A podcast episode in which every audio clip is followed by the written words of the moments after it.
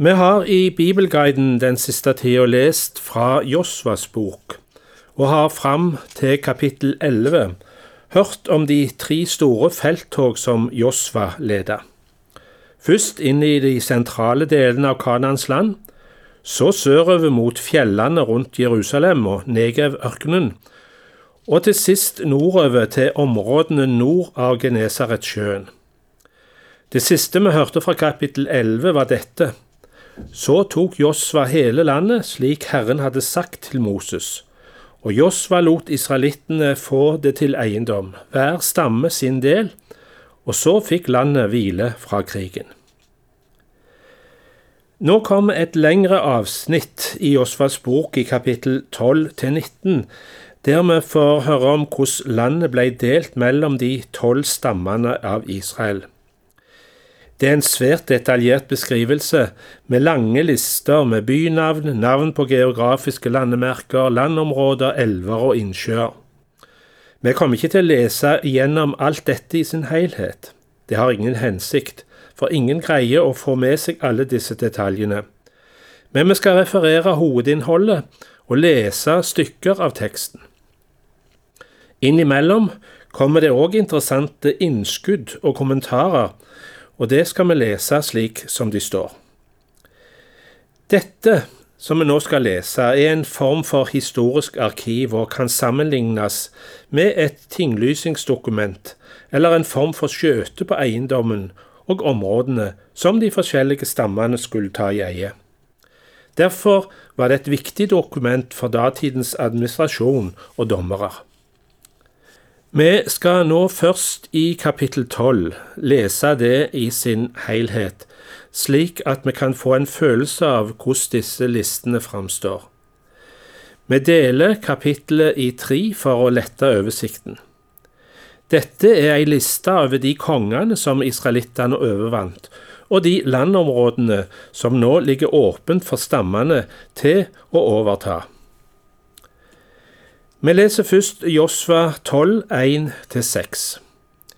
Det er ei liste over de kongene som var på østsida av Jordan, som Moses hadde ført krig imot før inngangen i Kanan. Og her skulle Rubens stamme, Gads stamme og halve Manasses stamme bosette seg. Dette er kongene i landet som israelittene beseiret. De som hersket over landet israelittene tok i eie på den andre siden av Jordan, på østsiden, fra Arnon-elven til Hermonfjellet, hele østsiden av Arabasletten.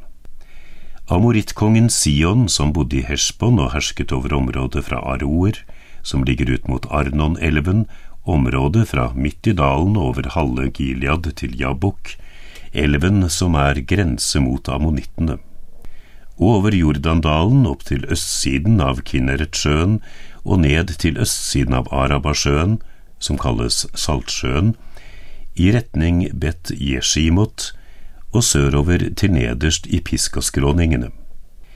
Videre området til Og, kongen i Basan, en av dem som var igjen av refaittene.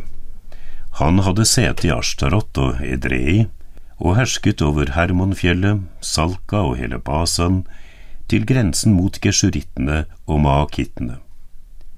Over halve Gilead til grensen mot Sion, kongen i Hesjbon.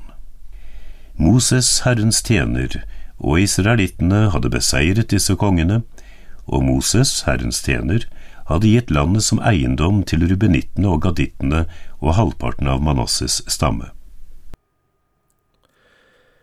Så kommer en oversikt over landområdene Josva inntok.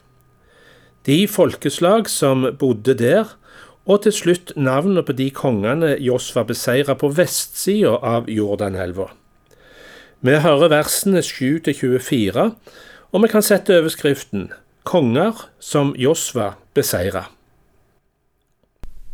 Dette er kongene i landet som Josva og israelittene beseiret på vestsiden av Jordan. Landet fra Baal Gad i Libanondalen til Snaufjellet som stiger opp mot Seir, ga Josva til Israels stammer som eiendom. Hver stamme fikk sin del. I fjellandet, i lavlandet og på Arabasletten, i skråningene, ørkenen og Negev, i landet til hetittene, amorittene, kananeerne, perisittene, hevittene og jebusittene.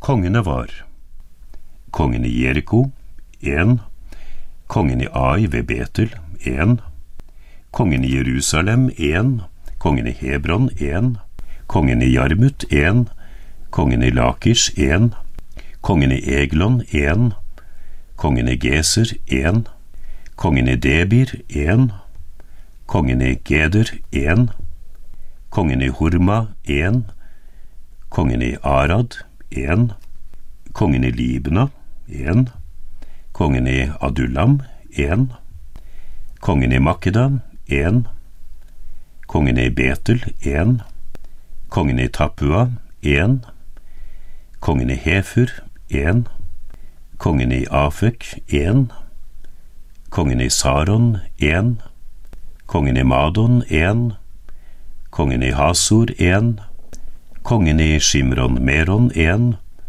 kongen i Akshaf, 1, kongen i Taanak, 1, kongen i Megiddo, 1, kongen i Keders, 1, kongen i Jukneam ved Karmel, 1, kongen i Dor på Dorhøyden, 1, kongen over folkene i Galilea, 1, kongen i Tirsa, 1, i alt 31 konger.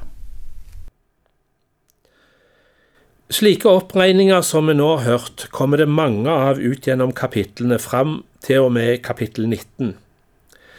I neste program i Bibelguiden skal vi høre Guds ord til Josva og ordre om å fordele landet mellom stammene, og hvor systematisk og grundig dette ble gjort.